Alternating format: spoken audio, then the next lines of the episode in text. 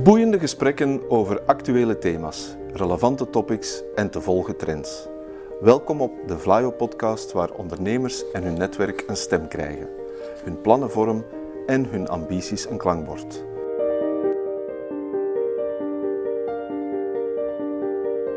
To the point waar het kan, dieper gravend waar het moet. Inspirerend, informerend, ondersteunend. Van artificial intelligence, blockchain en circulaire economie tot digitale zorg. Wij knopen het in jouw oren. Vandaag heb ik niet één, maar twee Vlaio bedrijfsadviseurs te gast in onze gezellige studio in Leuven. In het dagelijks leven begeleiden en adviseren ze ondernemers die stappen willen zetten in de circulaire economie, die een duurzaam businessmodel willen uitbouwen. Gail en Griet kozen dan ook niet geheel toevallig voor het boek Pretopia van Stefan van Dist. Welkom Griet. Dag Werner. Welkom Gail. Dag Werner. Misschien moeten jullie eerst wat meer over jullie zelf en jullie team vertellen. Wat doen bedrijfsadviseurs circulaire economie precies? Waarvoor mogen ondernemers jullie precies contacteren? Heel binnenkort ben ik een jaartje aan de slag bij Vlaio Team Bedrijfstrajecten. Voordien heb ik eigenlijk acht jaar in de bouw gewerkt als projectingenieur voor openbare gebouwen en infrastructuurwerken. Dus ken ik de bouwwereld wel door en door. En dan merk ik ook dat er wel nog heel wat circulair potentieel verborgen zit in die fascinerende wereld. Dus door mijn vorige ervaring en nu de kennis die ik al opgedaan heb het afgelopen jaar, hoop ik zo eigenlijk bouwbedrijven wegwijs te kunnen maken in het circulaire bos. Oké, Griet. Ik ben ondertussen iets meer dan een jaar bij Team Bedrijfstrajecten aan de slag. Uh, de 18 jaar daarvoor werkte ik bij Vitesse, dat is een maatwerkbedrijf in de kringloopsector. Ik werkte daar de laatste jaren vooral als projectontwikkelaar en business developer. En een van de zaken waar ik me vooral mee bezig hield, was zoeken naar mogelijkheden om onze reststromen te valoriseren. En dan vooral textiel, harde kunststoffen. Uh, dus dat zijn wel twee thema's die mij heel erg boeien. Maar elk maakbedrijf dat circulaire ambities heeft, mag mij uiteraard contacteren. En omdat ik zo lang binnen de sociale economie gewerkt heb en ja, deze sector ook wel heel genegen ben, probeer ik waar mogelijk bruggen te slaan tussen sociale en reguliere economie. Want ik heb de afgelopen jaren geleerd dat maatwerkbedrijven uh, vaak worden gerund door heel straffe ondernemers. Het zijn vaak heel wendbare bedrijven waar duurzaamheid en circulariteit echt ingebed zijn in het DNA.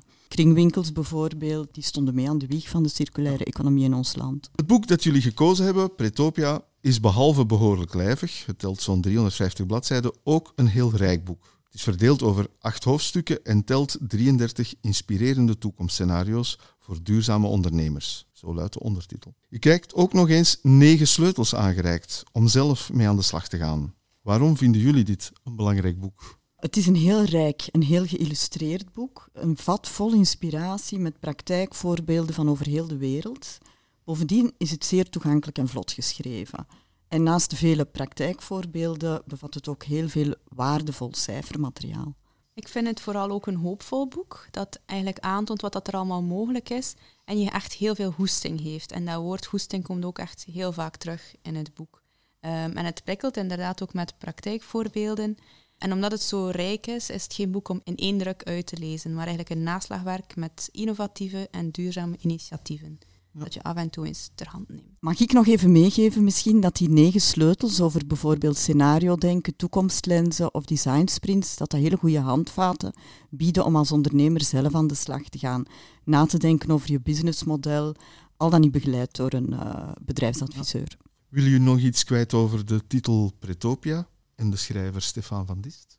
Wel, we kennen allemaal utopieën, hè? verre, onbereikbare dromen. We kennen dystopieën, doemscenario's. En Pretopia positioneert zich daar ergens tussenin. Hè? Je moet het zien als een soort van mentale vrije ruimte waar je als organisatie of onderneming kunt experimenteren om een antwoord te vinden op de sociale en ecologische uitdagingen van vandaag. Het is een prettige omgeving om in te vertoeven. Uh, Stefan van Dist noemt zich eigenlijk een innovatiestrateeg en begeleidt bedrijven en organisaties om toekomstbestendig te worden door middel van toekomstverkenning, storytelling en design thinking.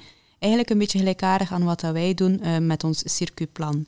In dat circuitplan gaan we gaan bekijken met de ondernemers welke concrete stappen ze kunnen nemen richting duurzaamheid en dan vooral circulariteit. Mooi.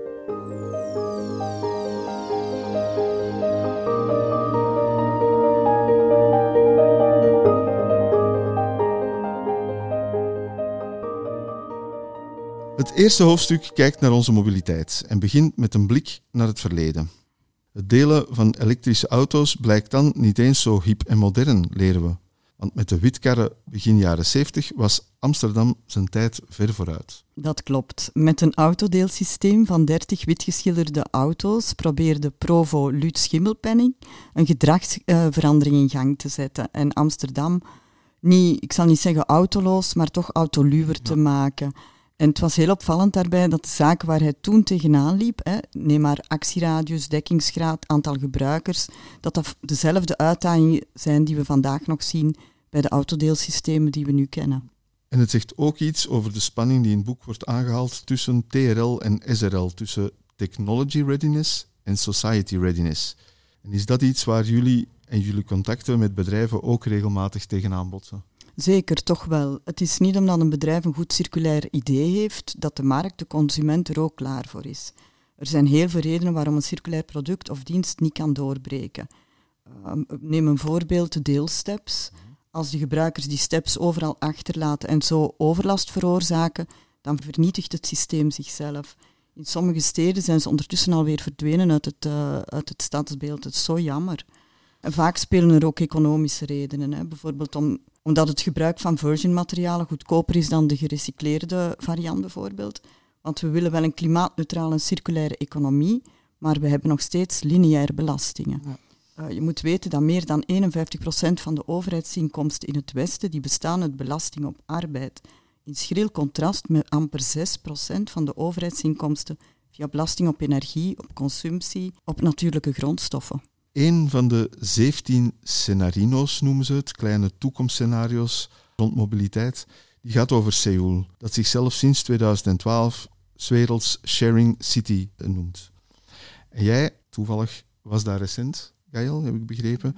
Heb jij van die zogenaamde longevity, de levensduur, daar wat van gemerkt? Ja, Werner, eigenlijk als toerist heb ik niet veel gemerkt of kunnen gebruik maken van hun MAAS-model, het Mobility as a Service model omdat het metrosysteem eigenlijk al heel goed in elkaar zat.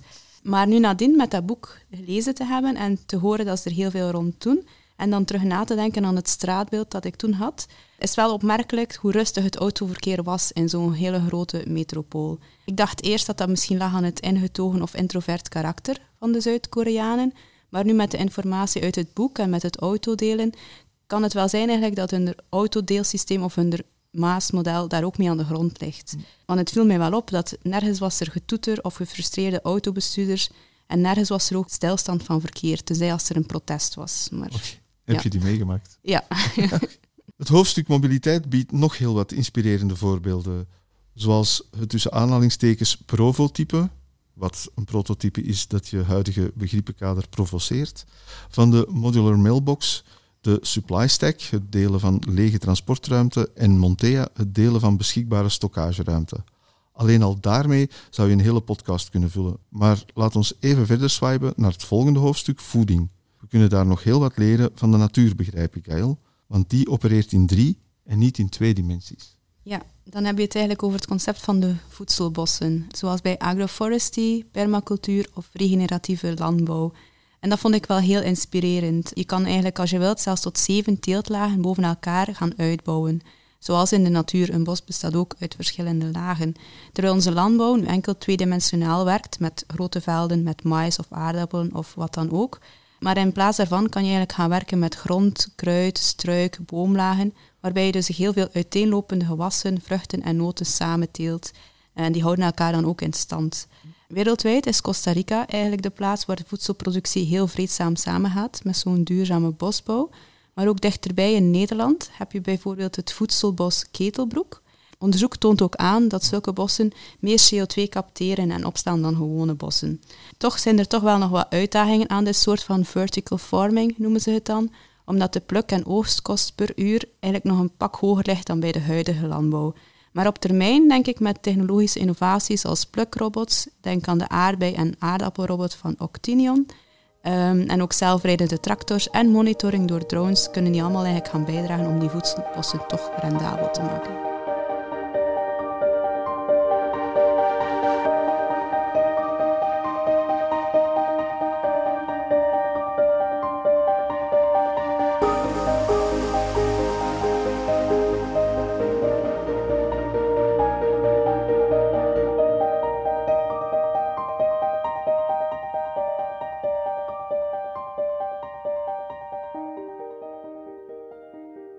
Twee namen die tot de verbeelding spreken passeren de revue. Those Vegan Cowboys en Flexitarian Bastards. Met zulke bedrijfsnamen moet je de voedingswereld wel op zijn kop zetten.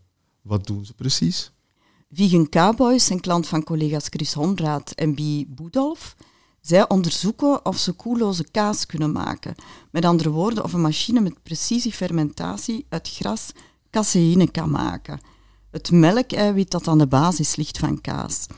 En Flexitarian Bastards, dat is een klant van Mieke, die produceren frituursnacks met uh, Nutri-score A, dankzij nieuwe technologie die de hoeveelheid vet, zout en calorieën reduceren. Met deze twee inspirerende cases rollen we eigenlijk als vanzelf in het derde hoofdstuk dat over ondernemen gaat. Een hoofdstuk dat ons als bedrijfsadviseurs nauw aan het hart ligt, lijkt mij. De auteur houdt een pleidooi voor een impacteconomie. En wat is dat dan precies? Uit consumentenstudies blijkt eigenlijk dat ruim 70% van hen verwacht dat het bedrijfsleven zich daadwerkelijk gaat inschakelen om de grote ecologische en sociale uitdagingen in de wereld te gaan oplossen. Tegelijkertijd wantrouwen ze dan ook de groene en duurzaamheidsclaims die ondernemingen op dit vlak maken. Um, heel veel bedrijven zijn purpose-driven, meldt de schrijver, maar in welke mate meten ze dan eigenlijk hun maatschappelijke impact, vraagt hij zich af.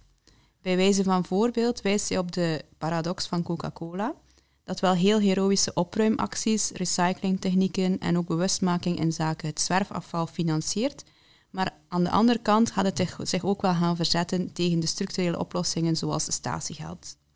De Chief Financial Officer moet een Chief Impact Officer worden, die ook niet purpose-driven en financiële aspecten in kaart gaat brengen. Een positief voorbeeld daarvan is het theemerk Lipton, dat haar hele aanvoerketen verduurzaamde via training en ondersteuning van de theeboeren.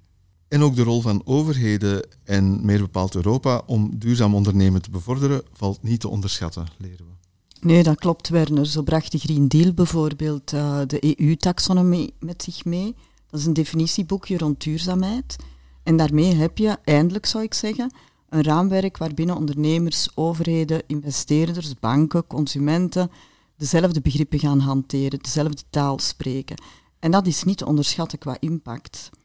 En vanzelfsprekend speelt Vlaaium Vlaanderen ook een belangrijke rol hè, om uh, bedrijven en ondernemers op de weg te helpen naar een duurzame toekomst. Ik denk dan aan projecten als Living Labs, waarbij partnerschappen subsidies kunnen aanvragen voor projecten rond circulaire systeemoplossingen. Of de KMO-groeisubsidie, die KMO's niet alleen in digitalisering of internationalisering financieel ondersteunt, maar ook inzet op duurzaamheid, biodiversiteit. En tenslotte zijn we als bedrijfsadviseurs ook, hè, om bedrijven de weg te wijzen. Dat doen we bijvoorbeeld met ons circuitplan, dat Gaël al eerder aanhaalde. Een echt stappenplan waarbij we samen met de klant een circulaire strategie gaan uitwerken en de klant begeleiden bij die implementatie daarvan. Om de ambitie van Europa waar te maken om tegen 2050 een volledig circulaire economie te hebben, moeten we, zo schrijft de auteur, materiaal, goederen, energie en waardestromen als een levend metabolisme bekijken. Op de Impactweek van de provincie Oost-Vlaanderen gaf ik recent een workshop over de 10 R-strategieën. Dat sluit daar eigenlijk nauw bij aan. Van reduce tot refuse, van recycle tot reuse, bekijken we hoe de materialen en reststromen een langer leven kunnen geven. Architect Johannes Rauw legt de verantwoordelijkheid voor levensduurverlenging bij de producent.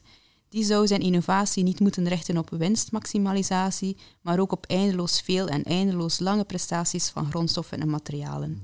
En dan kom je bij concepten uit zoals light as a service, mobility as a service, in plaats van lampen en auto's. Ook interessant hier is de link tussen ecologie en digitalisering die gelegd wordt. Dataficatie kan helpen om materialen en hun herkomst goed te catalogeren en hun waarde over langere periodes en verschillende toepassingen in kaart te brengen. In de bouwsector zijn er al heel veel voorbeelden van en ook in ons themadossier circulaire economie behandelen we dat uitvoerig met het zogenaamde materialenpaspoort. Klopt. We zullen de link zeker in de show notes van deze podcast zetten. Nog een uitdaging voor duurzame ondernemers. Op welke manier communiceer ik erover? En daar reikt de auteur ons een van zijn negen sleutels voor aan, de Sustainability Sweet Spot. Wel, de fout die veel bedrijven nog maken bij het communiceren over duurzaamheid van hun diensten en producten is dat ze vanuit zichzelf vertrekken. Zie eens hoe duurzaam wij zijn, uh, zie eens hoe milieubewust. Dat werkt niet. Wat je moet zoeken is de sweet spot, de doorsnede van wat de consument wil, aantrekkelijk, comfortabel wonen bijvoorbeeld, en jouw duurzaamheidsprestaties. En dan krijg je een IKEA die zonder afbreuk te doen aan de verwachtingen van zijn klanten toch een circulaire organisatie kan worden tegen 2030. Dat is een les voor alle ondernemers. Hè. Zoek die sweet spot en vertaal jouw duurzaamheidsinspanningen vanuit de verwachtingen van de klant. Dat is interessant en nuttig voor ondernemers, denk ik. Het hoofdstuk ondernemen sluit af met de zeven pijlers van de circulaire economie. Ik neem aan dat dat voor bedrijfsadviseur circulaire economie geen verrassingen inhield. Inderdaad, Werner, verrassen doen ze ons niet. Maar het is goed ze zo op een rij te zien staan. Ze proberen alvast de vele activiteiten die we onder duurzaamheid denken te vatten, systematisch en systemisch in kaart te brengen. Van materialen, energie, biodiversiteit over maatschappelijke veerkracht en welzijn. Een handige kapstok om te kijken aan welke pijlers jij een bijdrage kan en wil leveren als ondernemer. Met jullie goedvinden neem ik hoofdstukken 4 welzijn en hoofdstuk 6 urbanisatie samen, omdat er volgens mij bij het lezen van boeken verband is. En het brengt ons meteen naar een hele andere plek, meer bepaald naar Barcelona en het concept van de 15 minuten stad. Dat moet jij toch eens uitleggen, Gail. Barcelona telt de meeste auto's per vierkante kilometer. Fijnstof en luchtvervuiling zijn dan daar ook een gezondheidsissue. Sinds 2016 bundelen ze negen stadsblokken tot één superblok. Autoverkeer wordt er geweerd, stadsgroen, ruimte voor voetgangers en fietsers krijgen er dan prioriteit. De resultaten zijn verbluffend. De luchtkwaliteit en de lokale economie gaat erop vooruit en bewoners geven ook aan dat ze meer en beter contact hebben met hun buren. Barcelona zou een 500-tal van deze superbloks kunnen realiseren en een stad wordt dan eigenlijk een optelsom van gezellige buurten met meer cohesie, minder autoverplaatsingen, meer groen en een betere gezondheid van zijn inwoners. En dat is maar één voorbeeld van wat overkoepelend de 15-minuten-stad wordt genoemd. Een stedelijke omgeving waarin alle essentiële functies, zoals winkelen, werken, sport, cultuur, natuur, zorg, zich bevinden op een kwartiertje fietsen of wandelen. Gedaan met het hermetisch scheiden van functies, maar elke wijk of elk stadsdeel wordt een mix van van alles en nog wat, inclusief natuurbeleving. Want dat levert steden en buurten zomaar vijf voordelen op, leren we uit het boek zelf. Um, Ten eerste is een betere mentale en fysieke gezondheid voor de bewoners, een veel sterkere klimaatrobuustheid van de stad, een heel veel grotere biodiversiteit en een hechtere sociale cohesie. En als laatste dan ook eigenlijk een verbeterd imago van de stad zelf. Daarmee sloegen we het hoofdstuk empowerment even over. Toch is dat belangrijk omdat het ons wijst op het belang van contextcreatie en de duw die je moet geven aan het raam van overtoon. Klinkt spannend, maar wat bedoelen ze daarmee? Het gaat over hoe je verandering bewerkstelligt. En dat doe je, leert het boek eenvoudig door te tonen dat iets kan. Een kleine stap, maar wel een stap die dingen in beweging zet. Uh, het verandert lichtjes de manier waarop we naar dingen kijken, dat raam van overtoon, maar wel voldoende om verdere stappen te zetten. Uh, een goed voorbeeld daarvan is de Fairphone. Die toonde niet alleen aan dat het mogelijk is om ethisch en bewust om te springen met de componenten in je smartphone. Hij zorgde voor bewustzijn bij consumenten. Tja, hè, mijn, mijn smartphone bestaat ook uit zeldzame metalen die niet altijd. Je dat niet. Ja. Hm? Voorheen wist je dat niet. Ja, inderdaad, hè, die niet altijd even goed geresourced worden. En dwong ook andere smartphonebouwers tegelijk om een standpunt daarover in te nemen. Op die manier krijg je een hele keten in beweging gezet. Dat is trouwens ook wat uh, innovatie, het uh, innovatieadvies van de beroemde econoom Kate Raworth. Practice first, theorize later. Kate Raworth, over wie we ook een podcast hebben opgenomen. Hoofdstuk 7, Streven naar balans, gaat, als ik het juist vertaal, over het zo goed mogelijk herstellen van onze band met de natuur. Want zowel de oceaan als het woud uh, spelen daarbij een rol. Misschien kunnen we het voorbeeld van de plastic verpakkingen wat van naderbij bekijken. Gail? Uh, ja, Werner. Um, we moeten plastic verpakkingen terugdringen en onze leefwereld plastic vrijmaken. Alleen is dat een behoorlijk complex thema. Er is niet één goede oplossing, ook niet één innovatiestrategie rond duurzame verpakking. De beste oplossing is natuurlijk vanzelfsprekend geen verpakking. Denk dan maar aan de verpakkingsloze winkels als Cabas, Komoot of One, waar ik onlangs ook coöperant van ben geworden. Heel tof. Maar op hun beurt zetten ze dan ook wel de grootwarenhuisketens aan tot actie. Zo reduceert de Leijze nu al haar plastic verpakkingen van groenten en fruit door de houdbaarheidsdatum te gaan branden. Maar er moet en kan nog meer. Ik denk bijvoorbeeld aan Braus of Moro. Dat zijn twee innovatieve starters die we begeleid hebben vorig jaar. En zij kiezen voor hun huis- en schoonheidsproducten voor een eenmalige verpakking, maar dan met navullingen. Het duurzame idee daarachter is dat je geen water meer hoeft te transporteren. En daarmee hebben zij alvast een sweet spot gevonden voor hun communicatie. Er wordt ook volop geëxperimenteerd met mycelium, de zwamvlokken als mogelijk afbreekbaar verpakkingsmateriaal. Want dat is, ook volgens de auteur, het absolute summum. Biodegradeerbare verpakking uit een reststroom van het kernproduct, live geproduceerd op het moment en op de plek van de consumptie. Bijvoorbeeld Feel the Peel. Wel, ja, het is wel heel fijn hè, om te zien dat heel wat van onze klanten met duurzaamheid bezig zijn en, en dat die ook in het boek zijn opgenomen. Ik neem bijvoorbeeld Tribble, dat ondernemingen gezonde frisdrankfabriekjes aanbiedt. Je vult je eigen drankfles met uh, een van de vier aangeboden smaken. Dat is handig, dat is gezond en milieubewust. Dat zijn drie sweet spots in één klappen.